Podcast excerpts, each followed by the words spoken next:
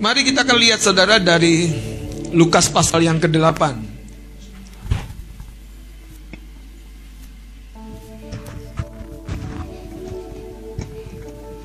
Lukas pasal yang ke-8.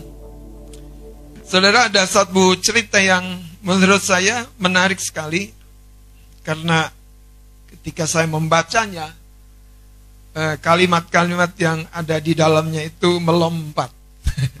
melompat artinya seperti oh, sesuatu yang baru ya. Padahal ya ceritanya bukan cerita yang baru saya baca.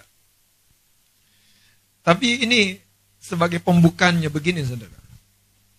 Kadangkala gini, kita butuh sebuah keterpaksaan yang yang kita kondisikan, saudara.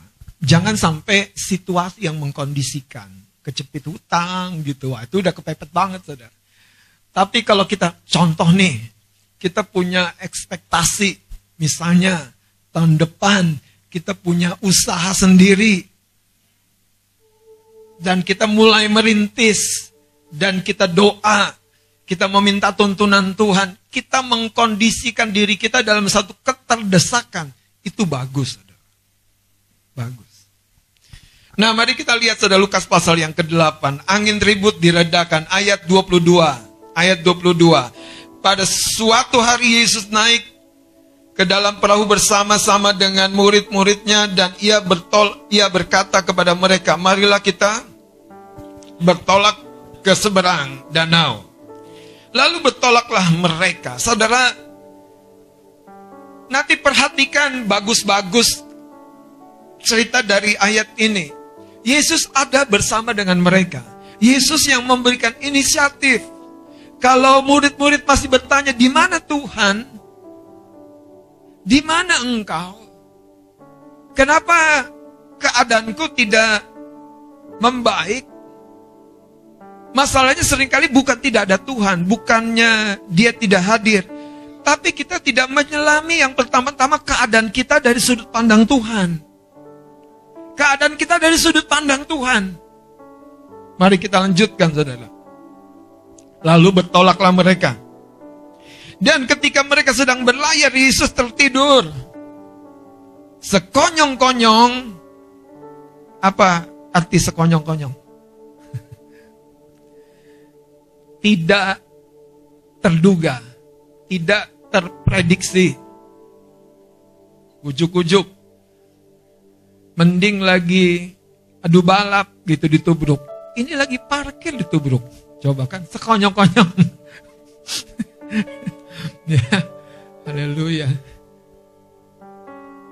Sekonyong-konyong turunlah taufan ke danau. Sehingga perahu itu apa? kemasukan air dan mereka berada dalam bahaya. Ini situasi yang paling mengasihkan kalau Anda sendiri ada di sana. Ini nelayan loh, jangan lupa saudara. Bukan WL yang ada di sana. Bukan pendeta yang ada di sana, ini nelayan. Tapi mereka juga saudara mengalami ketakutan yang begitu dalam, begitu mencemaskan sampai mereka tidak bisa menguasai dirinya. Lanjut ya. Maka datanglah murid-muridnya membangunkan Yesus yang tertidur itu, kalau dalam Injil Matius, Yesus tertidur di buritan. Karena ini ditulis di Injil Matius dan juga Markus. Markus pasal 4 ya di buritan. Terus dikatakan begini, Kata murid-murid itu, guru-guru kita binasa. Artinya apa? Ada sebuah kecemasan yang begitu dalam yang membuat mereka datang kepada Tuhan, fokusnya memaksa mendesak. Fokusnya melihat Yesus dari sudut pengertian dia ada tapi kok dia nggak bertindak. Dia ada tapi kok dia nggak memberikan arahan. Dia ada tapi kok dia nggak memberikan tuntunan. Dalam diamnya itu sebuah tuntunan. Kita pernah nggak kenal kalau bos kita udah diam itu tanda-tanda. Tanda-tanda. Jadi dalam diamnya itu sebuah pesan. Saya lanjutkan saudara. Murid-murid dengan sontak berkata, guru-guru kita binasa. Mereka tidak ungkapkan yang lain, mereka ungkapkan ketakutan akan hidup yang binasa, hidup yang hancur, hidup yang game over, habis. Kenapa mereka berkata, guru-guru, kita nggak kuat lagi. Kenapa mereka langsung mengungkapkan sesuatu yang sebetulnya saudara tidak perlu. Dalam kepanikan, apa yang terlontar dari pikiran, perasaan, ungkapkan kita kepada orang lain, kepada pasangan kita, kepada anak kita. Apa yang terlontar? Itu sebetulnya menggambarkan apa yang terbangun di dalam. Bukan sekedar apa yang tertulis di dalam. Terbangun Saudara, kalau Anda pernah campur susu dengan Coca-Cola dan Anda coba kocok di dalam botol, maka bukan hanya Coca-Colanya yang naik, susunya juga akan naik. Tapi kalau Anda campur sirup dengan Coca-Cola, Anda kocok, yang naik juga sirup. Tapi kalau Anda campur yang lain, yang naik itu yang lain. Coca-Cola itu membuat uh, dengan sodanya yang di bawah itu ketika dikocok itu naik.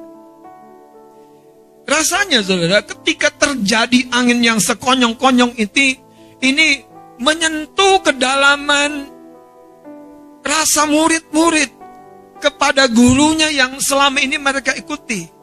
Ternyata mereka belum cukup benar-benar berserah. Makanya ada sebuah lelucon. Di surga, ketika orang sedang mengantri ke pintu gerbang surga, ini dulu, dulu, sebelum ada Transjakarta Mini, masih banyak Metro Mini, Kopaja yang tiba-tiba nyebur ke kali. Saking ngepotnya, saudara. Nah, kalau supir-supir itu sudah ngebalap, saling mendahului sesama, maka yang di dalam para penumpang akan mulai berbahasa roh. Kalau jemaat karismatik karena mereka mau kebaktian mulai berdoa kayak dulu waktu saya baru belajar bawa mobil di sebelah saya kakak mulai berbahasa roh dan Jok ini berkata lelucon ini berkata malah supir Metro Mini yang duluan sampai di sana karena supir metro mini yang membuat banyak orang Kristen berdoa. Tapi pendeta di belakang. Karena kalau pendeta tidur, pendeta khotbah semua pada tidur. Coba tepuk bahu kanan kirimu, jangan tidur ya. Pak Gembala bukan supir metro mini.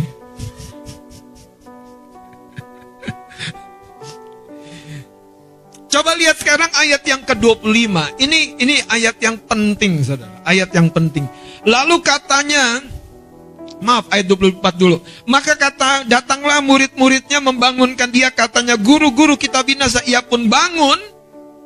Lalu menghardik angin dan air yang mengamuk itu. Apa yang dilakukan? Ia menghardik, ia bicara kepada angin dan air dan yang mengamuk itu dan angin dan air itu pun reda dan danau itu menjadi teduh. Saudara setelah hal-hal yang menggoncangkan iman murid-murid itu diredakan, Yesus bicara pada satu pesan yang menurut saya patut kita perhatikan. Dia berkata begini, lalu katanya kepada mereka, di manakah kepercayaanmu? Di manakah kepercayaanmu? Mungkin salah seorang muridnya berkata, sudah pergi. Guru, sudah terbang guru. Atau sudah kecebur laut guru. Di manakah kepercayaanmu? Maka takutlah mereka dan heran lalu berkata seorang kepada yang lain, siapa gerangan orang ini? Orang macam apa yang lagi di depan kita ini? Sehingga ia memberi perintah kepada angin dan air dan mereka taat kepadanya. Saudara, banyak orang Kristen berdoa, tapi mereka seperti murid-murid ini mendesak Tuhan melakukan yang harusnya kita lakukan. Mendesak Tuhan melakukan yang harusnya kita lakukan. Saudara, dalam cerita ini menurut saya Tuhan bukannya tidak tahu. Karena Alkitab mencatat bahwa angin dan gelombang dan ombak yang terjadi itu besar sekali. Tapi Yesus bisa tidur begitu nyenyak. Saya percaya Yesus mengizinkan peristiwa ini seperti tadi saudara Coca-Cola untuk membuat yang di dasar hati kita itu apa? Apa? Apa? Apa masih tersisa kecintaan diri kita yang begitu rupa sampai kalau dikit-dikit binasa guru, mati guru. dikit-dikit hancur guru. Saudara, kita harus rubah. Kalau tidak, iman tidak bisa tumbuh. Saya percaya Tuhan sedang menyampaikan sesuatu yang spesifik kepada hati kita. Kenapa sering kali iman tidak membuahkan hasil di luar? Karena ada ketakutan-ketakutan yang terus menghalangi saudara. Iman itu bagiannya kita. Kuasanya tersedia. Tapi kuasanya itu butuh orang-orang seperti yang Yesus peragakan. Doa, bicara, doa, bicara. Karena di dalam perkataan kita ada kuasa yang Tuhan mau salurkan.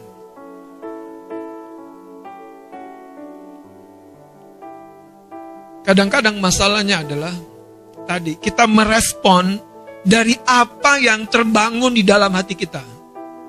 Kalau yang terbangun di dalam hati kita pengertian, kita berespon dari pengertian. Kita akan mulai berkata tenang, tenang. Ombak ini tidak akan membinasakan kita. Bagaimana mungkin ombak ini membinasakan kita? Yesus yang bersama-sama dengan kita di perahu. Bagaimana mungkin? Coba, kalau yang di dalam ini rasa trust, percaya. Dia tidak mungkin tidak akan bertindak.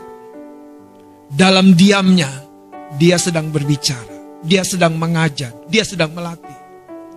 Masalahnya sekali lagi, banyak kita tuh sorotan mata pengertian kita tuh kepada keterbatasan-keterbatasan kita dan berhenti di situ. Harusnya dalam kesadaran keterbatasan kita, kita mencari Tuhan. Dalam keterbatasan kita, kita mencari Tuhan.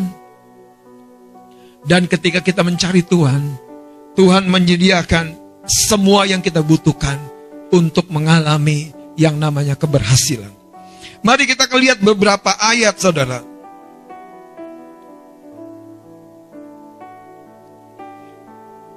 Di dalam kitab dua Tawarik pasal yang ke-31 ayat 21. Apa yang saya pertama mau sampaikan adalah gini. Penyertaan Tuhan itu gini saudara. Kita harus yakini. Jangan cari-cari apa namanya ekspresinya dulu di luar. Yakini saudara. Seperti murid-murid tadi. Yesus yang tertidur percayai, yakini. Dia belum bertindak, tenang saja. Kalau kita hanya cari-cari ekspresi Yesus yang di luar, kejadiannya seperti murid-murid. Guru engkau tidak peduli, sudah selesai. Nggak jadi pelayanan. Padahal mereka menyeberang danau itu tujuannya bukan kacau di danau. Anda bekerja bukan tujuannya kacau di pekerjaan. Katakan dalam nama Yesus, bicara kepada pekerjaanmu. Kalau pertanyaan yang salah dilontarkan kepada kita. Di mana imanmu? Di mana kepercayaanmu? Sudah terbang om. Sudah tercebut danau, bang. Saudara, Yesus mengizinkan perkara itu untuk melatih mereka di dunia yang nyata, di dunia yang nyata, bukan di gereja. Di dunia yang nyata, di dunia yang nyata, di mana sehari-hari mereka ada di danau. Kalau Anda sehari-hari ada di pekerjaan, hidupkan imanmu, jaga imanmu. Jangan pertanyaan ini datang kepada kita dan kita sulit menjawabnya. Di mana kepercayaanmu? Bayangkan, sekian banyak Tuhan memberikan ajaran. Tuhan memberikan pengalaman. Tuhan memberikan waktu di mana kita bersama dengan dia masih belum paham juga kah bahwa dia memelihara kita pada titik yang paling kritis sekalipun? Masalahnya, di mana kepercayaanmu? Jangan kita kembali hidup dengan cara-cara orang yang tidak punya Tuhan Yesus. Lihat saudara, dua Taurik pasal 31 ayat 21 saya akan baca. Dalam setiap usaha yang dimulainya untuk pelayanannya terhadap rumah Allah dan untuk pelaksanaan Taurat dan perintah Allah ia mencari Allahnya. Semuanya dilakukannya dengan apa? Segenap hati. Ini yang sering kali hilang dari hati kita untuk mengalami Tuhan saudara orang yang tidak segenap hati itu nggak tahan kepepet. Nggak tahan kepepet, saudara. Nggak tahan, nggak tahan. Dia akan lebih cepat menjerit dan meninggalkan area pertandingan. Beberapa waktu ini, saudara, saya diizinkan Tuhan untuk melewati pertandingan yang harusnya saya lewati dulu di usia 20-an. Yaitu menempuh jenjang sarjana teologi ya. Dan babak yang paling mengasihkan namanya skripsi. yang biasanya bikin mahasiswa, aduh entar ah, aduh entar ah, besok ah, nanti ah. Pasangan kita bilang, bisa kamu. Lu ngomongnya enak, gua ngerjainnya babak yang paling mengasihkan tuh namanya bikin skripsi. Konsepnya aja ngeblank di sini. Gimana bikin skripsi? Tetapi saudara itu Tuhan izinkan sekali lagi saudara untuk mengaduk yang di sini. Coba apa yang keluar? Apa yang keluar? Apa yang keluar? Apa yang keluar? di situasi seperti itu pun selalu ada jiwa-jiwa yang datang dengan piring yang kosong. Pak Gembala tolong isi dong. saya simpan saudara kerut di dahi saya. Nanti malam pulang pelayanan dimunculin lagi, tempel. Jadi pelayanan dulu, Sabtu pagi sudah kirim bab satu bab lima selesai. Tapi di info, Pak, kelengkapan jangan lupa ya. Hah, masih banyak? Iya. Padahal harus ada doa, menara doa pagi. Jam 5 kita udah harus doa. Sampai jam tujuan kurang. Jam 10 udah harus pertemuan Ryan lagi di Cibur. Apa yang keluar? Haleluya. Haleluyanya sih enak. Kadang-kadang tergoda loh untuk bilang gini. Kadian sorry ya. Abang gak ikut dulu. Ini masih ada kencani.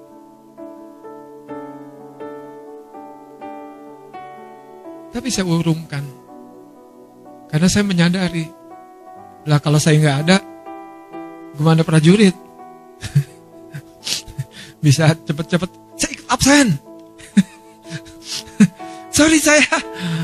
Uh, Masuk angin. Ikut doa, pertemuan rayon. Sampai siang pulang, baru parkir mobil. Saudara itu badan udah capek, kenapa? Karena kurang memang kurang tidur. Dan puji Tuhannya lagi. Haleluya. Mama mertua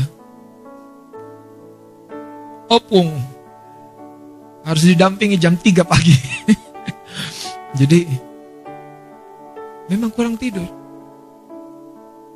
Tapi apa yang saya mau bilang adalah apa yang muncul, apa yang keluar. Kalau Anda sudah kepepet, di situlah Anda harus ingat pelatihan Anda. Anda harus coba lihat jejak yang Tuhan kasih. Ini loh, nah, ini jalannya, ini nah, jangan pilih sendiri, nah, ini. Di situ kegunaannya, saudara. Ketika Anda gak punya hikmat, ingat, ambil gitarmu, ambil sulingmu. Menyembahlah, maka hikmat akan mengalir. Saya ingat kesaksiannya Bang Horas. Waktu Kasari udah gak tahan COVID, Bang Horas naik ke atas pakai gitarnya. Jenggreng di depan pintu. Wah, Bayangkan itu saudara. Makanya pas GPI kemah pujian. Apakah Anda akan apa yang keluar? Beneran loh. Saya ngomong begitu. Apa yang keluar? Nih. Anda mau yang paling umum deh, Anda mau beli handphone baru, apa yang keluar? Nyicil di mana ya? Pakai kartu kredit siapa ya? Hmm. Jelas. Terus gimana bang? Kan masih di dunia. Iya. Ini lihat nih masih di dunia nih masih di laut, masih di danau. Tapi pakai iman bukan gereja. Boy. Jangan kasih bantahan terus. Di tempat kerja juga pakai iman, Pak, Bu. Woi, anak muda yang kerja.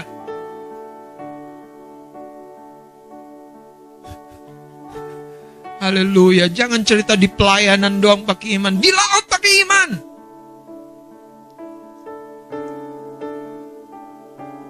Mungkin perlu sering-sering khotbah begini kali ya. Karena ini real, saudara.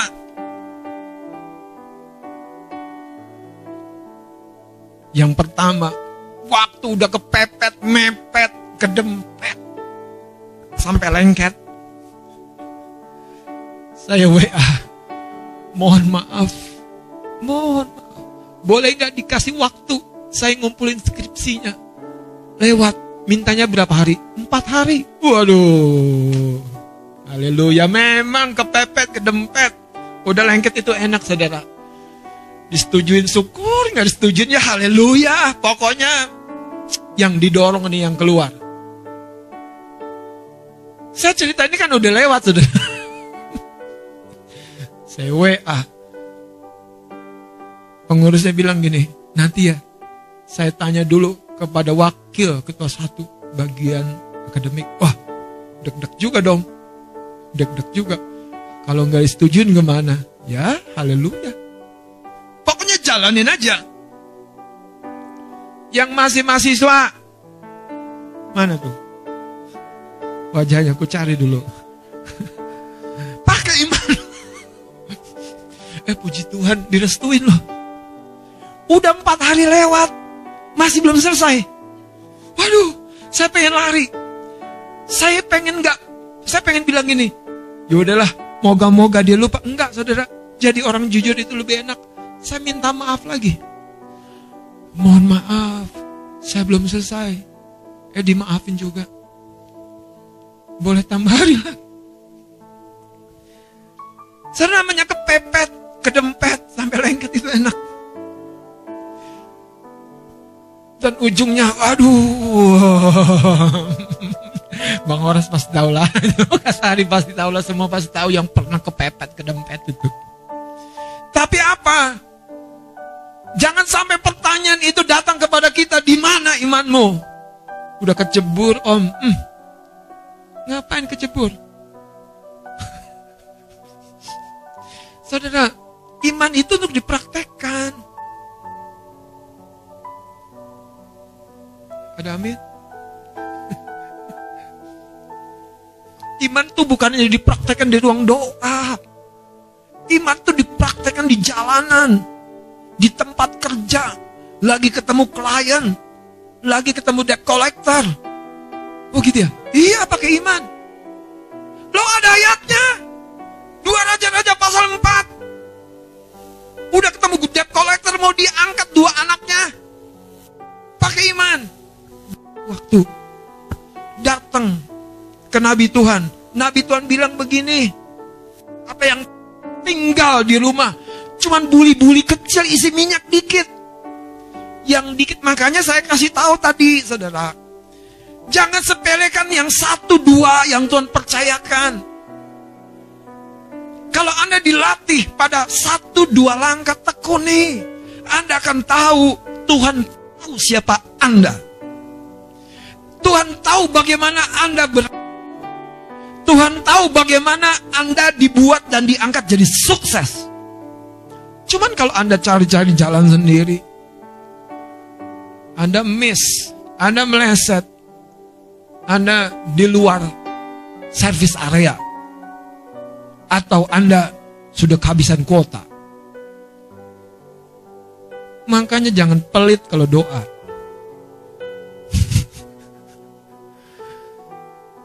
Ini cocoknya ibu gembala yang khotbah begini. Jarang Pak Gembala. Kalau Pak Gembala lembut-lembut. Hari ini pedangku ku, ku keluarkan ya Pak. Lihat saudara. Karena sebetulnya ini saya sedang mengekspresikan kegemesannya Tuhan Yesus di perahu itu. Kenapa itu Tuhan tuh gemes? Saudara saya bilang di mana imanmu? Hei pelayan Tuhan. KTP-mu udah Kristen. Anggota GPI dari lahir. Maaf Bill. Anak-anak pendeta ini. Ya guys ya. udah basaroh lagi dalam perut. Di mana imanmu? Ya guys ya. Oh ya. Weh, ini lagi. Papanya pendoa siapa? Pak Gembala nih. Macam-macam. Di mana imanmu? Gini loh teman-teman, coba bayangkan, kita nanti mau punya gedung, kita mau punya multimedia yang apa istilahnya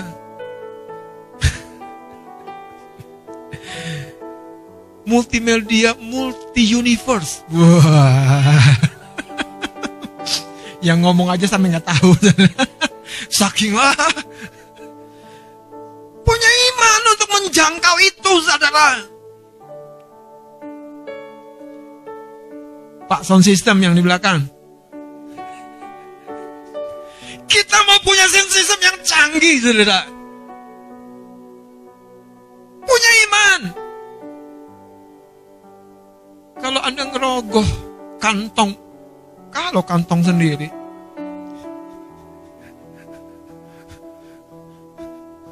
donatur suami atau istri juga. Ya, sama juga.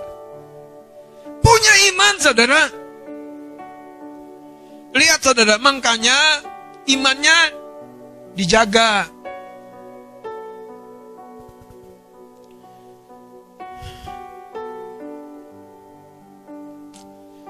Kembali saudara kepada Lukas pasal yang ke-8.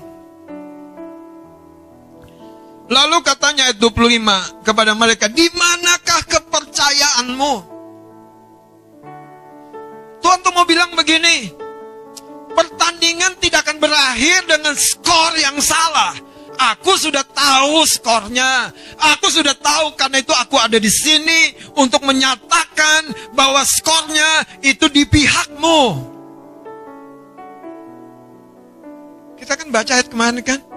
Jadi payahmu dalam persekutuanmu dengan Tuhan tidak sia-sia. Karena sudah ada kemenangan yang Tuhan sediakan. Jangan goyah. Jangan mundur. Kekasih-kekasih Tuhan. Ketika murid-murid datang kepada gurunya, mereka bukan nanya, guru, bantu kami. Kami lupa yang kau ajarin waktu. Kalau mereka nanya begitu masih mending. Tapi ini langsung menjudge, saudara. Tuhan kau tidak peduli. Tuhan kau tidak ada. Tuhan kau tidak campur tangan. Pada kenyataannya, kita tidak menyimak apa yang harusnya kita jaga, kita aktifkan, kita gunakan. Yusuf kenapa sukses? Seorang muda. Daud kenapa sukses? Pelatihannya di mana? Di padang penggembalaan. Bagaimana ngadepin Goliat? Pakai basoka? Pakai ahli-ahlinya. Tapi itu di dalamnya ada iman. Yang saya maksud adalah pelatihan Tuhan itu tidak pernah salah, saudara. Tidak pernah, tidak pernah dan tidak mungkin salah. Cuman saudara kita butuh di refresh, di refresh sampai kita tahu. Kita tahu, kita tahu, kita tahu. Nah, kalau kita sudah tahu, di situ kita bisa mulai melihat yang belum kelihatan. Kita mulai tahu yang belum datang. Kita mulai menyimak yang masih tersembunyi. Bahwa Tuhan tidak pernah berdusta. Rancangannya adalah baik semata-mata untuk orang yang mengasihinya. Saudara, judul renungan kita pagi hari ini, ke mana kepercayaanmu? Kalau kita lihat saudara di sini, di Lukas pasal yang ke-8, mari kembali kepada ayat 24 dan ayat 25. Ketika murid-murid membangunkan dengan sebuah perasaan gundah gulana, bahkan Gurunya seperti di, dikondisikan seperti tidak peduli. Apa respon Tuhan kepada nelayan-nelayan ikan itu? Dayungnya yang kompak, begitu? Tidak. Pakai pelampungmu, kasih kalau ke laut. Tidak. Atau, maaf, gesek kartu. Itulah maksud saya. Tuhan ngomong gitu. Halo. Pakai imanmu, di mana kepercayaanmu, saudara? Dan itu di kondisi murid-murid buntu. Begitu buntunya. Tapi sayangnya, itulah sebetulnya Tuhan mau menunjukkan pada akhirnya. Seperti Alkitab catat, Tuhan atau anak domba itu akan melihat adakah iman di bumi. Adakah iman di bumi. Karena dia disenangkan oleh iman. Janda miskin kerja dapat cukup uang hanya untuk satu hari biaya dia makan.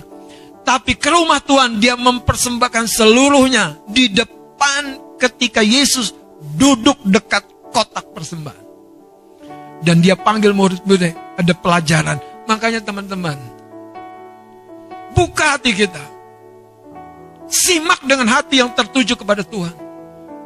Kalau ditegur nyimak, kalau dipuji nyimak.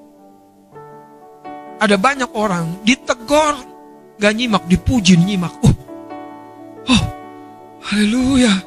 Langsung blub blub blub blub blub. Terus meletus di atas. Saudara nyimak.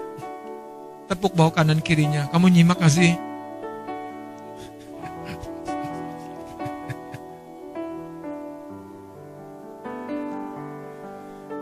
Saya kemarin pulang dari pertemuan rayon itu siang-siang jam 2 lewat.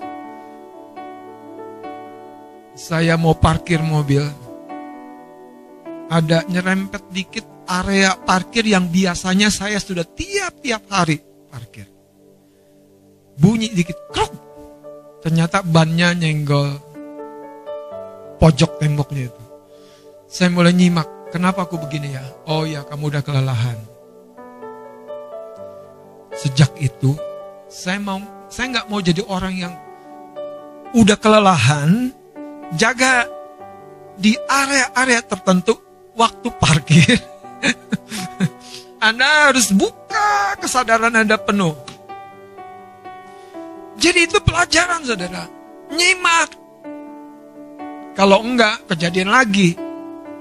Ini cuma nyenggol dikit banget sampai nggak kentara. Tapi besok bisa robek yang lain. Apa yang saya mau sampaikan? Tentu ajarin kita, tapi kalau kita nggak nyimak, saudara sayang sekali. Apa yang saya mau maksudkan, saudara? Cerita Yesus mengizinkan badai ini, menurut saya, saudara, harusnya menyadarkan murid-murid bahwa yang Tuhan soroti itu bukan keterampilan lahiriah. Yang Tuhan soroti adalah keteguhan iman mereka. Keteguhan iman murid-murid. Anda mau S1, S2, S3. Saya paling suka es campur. Harus dipakai iman.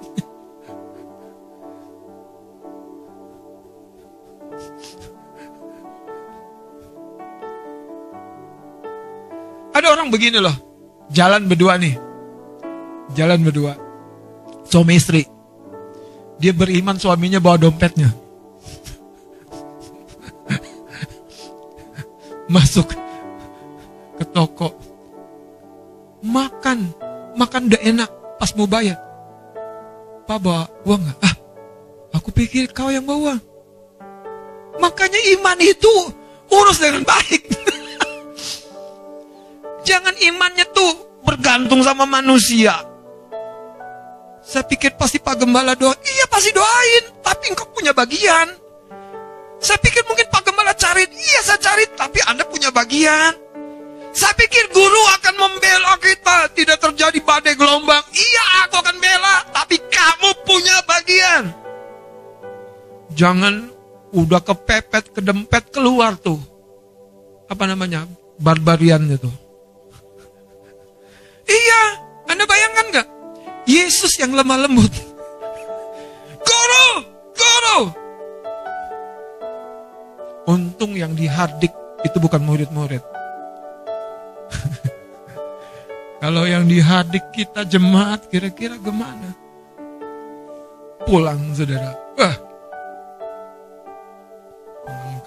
Teman-teman, mau punya rumah, Jangan mikir dulu kredit, cicilan, kredit, cicilan, kredit, cicilan. Boleh nggak kredit? Siapa yang bilang nggak boleh? Boleh nggak nyicil? Siapa yang bilang nggak boleh? Tapi mikirnya jangan ke situ dulu. Anda tuh anak kerajaan surga. Anda meremehkan bapakmu di surga. Eh beneran loh saya ngomong. Anda tuh sampai mengecewakan bukan hanya meremehkan. Wong DNA Anda udah beda, Anda pewaris. Makanya kalau Anda diaduk tuh, ininya jangan muncul, tahan, buang. Mau muncul, buang. Mau muncul lagi, buang lagi. Bahasa roh yang kencang. buang. Mau komplain, buang. Mau ngeluh, buang. Yang paling seru kan kayak murid-murid, komplainnya ke orang lain. Sepakat lagi mereka komplainnya ke gurunya. Kenapa nggak Petrus bilang, eh Yakobus yang benar buang airnya. Kenapa sih Petrus gak bilang Yohanes, lu, lu jangan doa aja. Cari dan itu bergerak. Coba. Mereka begitu mereka ngomong ke gurunya. Alah, tidak pedulikah kau? Ya saya sih cuma mewakili Tuhan hari ini. Di mana imanmu?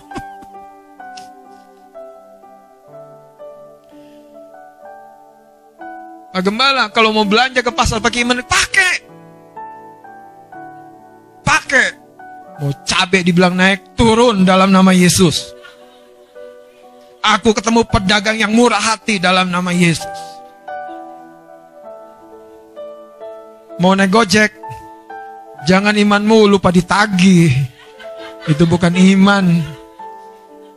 Haji mumpung. Oh iya. Mau ke toilet aja pakai iman, pakai iman. Supaya yang jaga toilet ada. Bukan malah nggak ada. Kesempatan memberkati saudara. Jangan kasih 2000 terus. Makanya yang di sini tuh apa sih? yang di sini adalah aji mumpung itu tuh. Oh, sampai tukang toilet aja didoain. Semoga yang ini nggak ada penjaganya. Aku bisa lolos, saudara. Nggak perlu keluar 2000 perak. Tapi ini beneran loh. Coba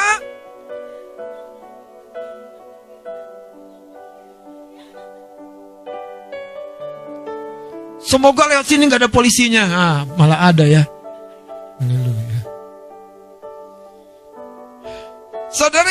Soroti emang apa? Kemampuan logika? Iman, kepercayaan. Belum kerja, jangan memble.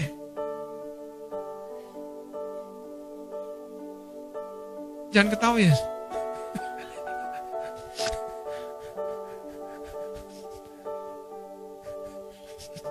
Teman-teman, nggak kerja tuh emang kenapa sih? Emang turun derajat Anda? Emang berubah status Anda sebagai anak Tuhan, anak Allah? Jemaat kemah pujian? Emang berubah? Enggak. Emang berubah kasih saya sama Anda? Enggak. Emang berubah doa saya sama Anda? Enggak. Anda nggak Anda nggak kasih persembahan ibadah aja, saya nggak berubah. Paling saya senyum-senyum.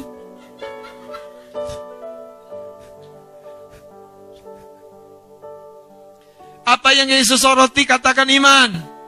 Tepuk bawah kanan kirimu. Kasih tahu ke mana imanmu.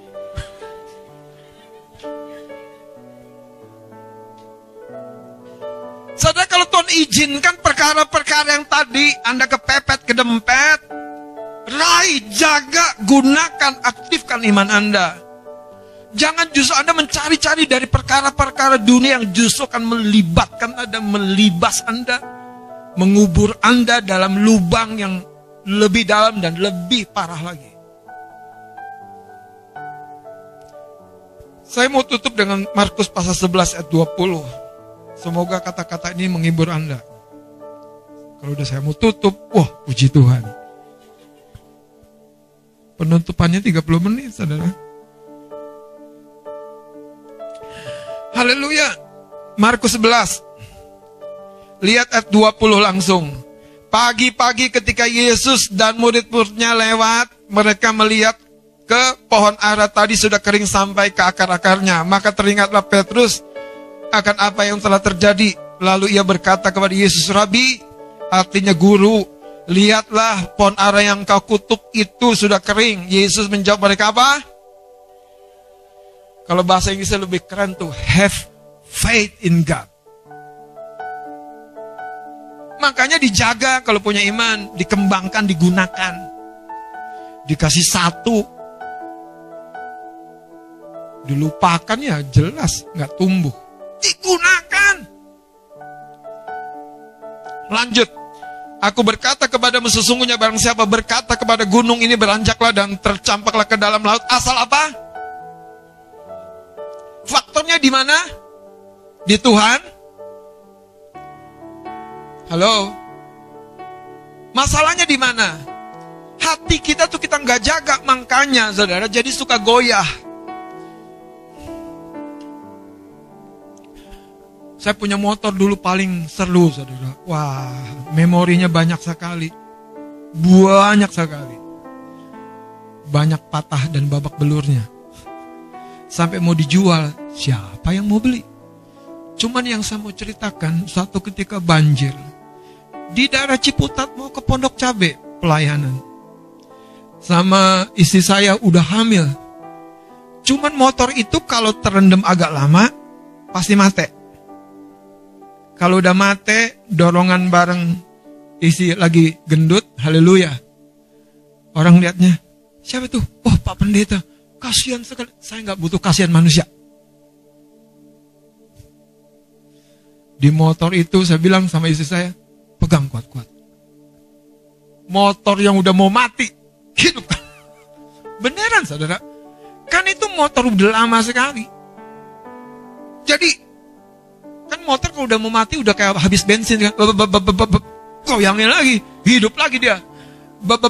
Hidup lagi. Dan zamannya kalau teman-teman tahu Ciputat itu depannya Ramayana, Kak Kristina pasti tahu lah. Sekalipun dia di kampung Melayu. Itu kalau dulu banjir, saudara. Tapi udah hidup.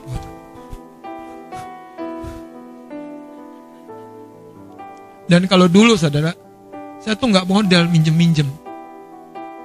Minjem motor dong mau pelan nggak modal. Nggak modal. Yang oh dipinjemin mau dong. dipinjemin mau dong. Haleluya. Iya kan? Cuman jangan di dalam hati aja om. nah, saya berangkat. Kalau pelayanan mana Mbak Kisti itu? Nah, Kak Nani itu tahu di Sandratek. Dari depan ke pabriknya udah gelap, hujan. Ngobrol di belah. Ini terusin, batalin, lanjut, gimana? Karena motor nggak boleh masuk, harus parkir di parkir. Ah, ada Mbak Yuyung tuh. Parkir di depan. Tapi udah janji. Dan itu nggak zaman handphone. Nggak zaman. Putusin, basah, tetap masuk. Udah, sip, deal. Selesai. Mikir tuh begitu. Kalau sebentar pulang aja deh. Uh. Batal aja. Uh. Gimana sih? Hidup udah lama. Masih nggak belajar juga. Karena begini saudara, kita harus bilang cuman air doang. Lewatin. Beneran. Jangan terlalu manja. Cuman basah doang. Tetap berdiri tetap khotbah, tetap melayani, tetap doain tumpang tangan, tetap hadir, tetap komit. Wong cuman basah air. Anda paham gak? Kenapa Tuhan kesel sama murid-murid?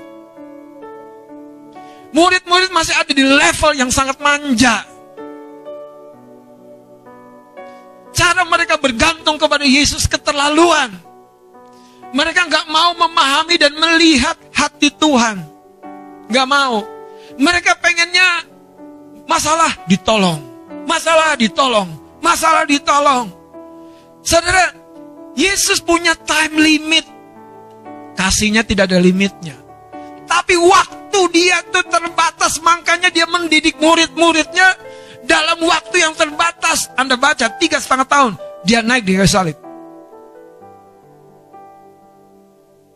Kalau kita tidak berubah, kan kasihnya nggak terbatas, tapi waktu yang terbatas. Kemurahannya kata, iya, tapi waktu terbatas. Waktu dalam hidupmu terbatas, saudara. Waktu untuk berbuat baik terbatas. Maka Tuhan bilang begini, kesempatan selalu ada, tetapi waktu belum tentu ada. Kembali saudara lihat, Markus saudara pasal yang ke-11 ini. Lihat, ini nasihat tentang doa ayat 23. Aku berkata kepadamu, apa saja ngomong kepada gunung beranjak tercampak, tidak bimbang, tetapi percaya bahwa apa yang dikatakannya itu apa? Apa? Jadi akan terjadi ya. Bukan sudah terjadi ya. Kalau doa yakin gak sih Anda ditolong Tuhan? Ah, tolong Tuhan, yakin gak? Yakin dong. Belum lihat, yakin aja. Belum makan, yakin aja. Makanya banyak orang kesaksian kalau COVID itu makin banyak berkatnya. Selesai COVID bukan makin miskin, makin kaya dia. Karena banyak yang kirim berkat, kirim makanan. Haleluya. Waktu COVID mungkin tahu, uh, gue disayang banget. Banyak yang telepon, banyak. Saudara makanya gini, jangan jadi orang yang terlalu manja, gunakan imanmu. Situasi-situasi di hidupmu itu biasa-biasa saja. Apalagi yang namanya ombak di danau yang sama, betapa gemasnya Tuhan. Di danau yang sama, danau mainan Petrus. Sehari-hari cari ikan. Makanya kalau lagi kepepet, kedempet, jangan jadi orang yang cepet-cepet stres. Ingat pelajaran ziklak. Ambil baju efod. Nyembah. Nyembah. Nyembah. Jadi penyembah yang sesungguhnya. Bukan karena kenyamanan. Bukan karena kemudahan. Maaf, bukan karena berkat.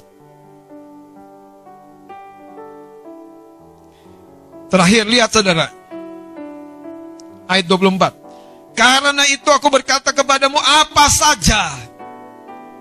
Coba perhatikan baik-baik ayat ini di depan. Tuhan bilang apa? Karena itu aku berkata kepadamu. Teman-teman yang punya doa dan biasa doa, katakan apa saja. Aku minta dan doakan. Percayalah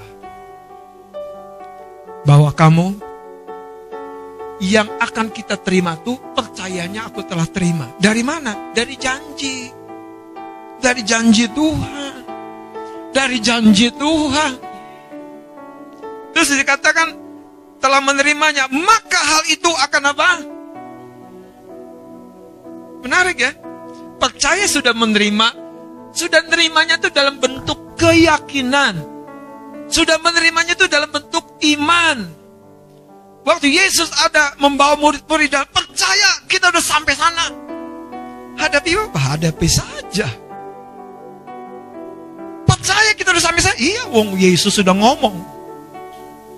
Anda percaya Anda akan mengalami semua kebaikan Tuhan. Percaya saja. Jangan lupa.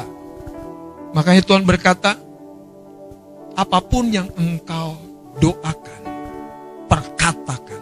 Teman-teman, jemaat Tuhan, berhenti jadi anak-anak Tuhan, murid-murid Tuhan yang terlalu manja.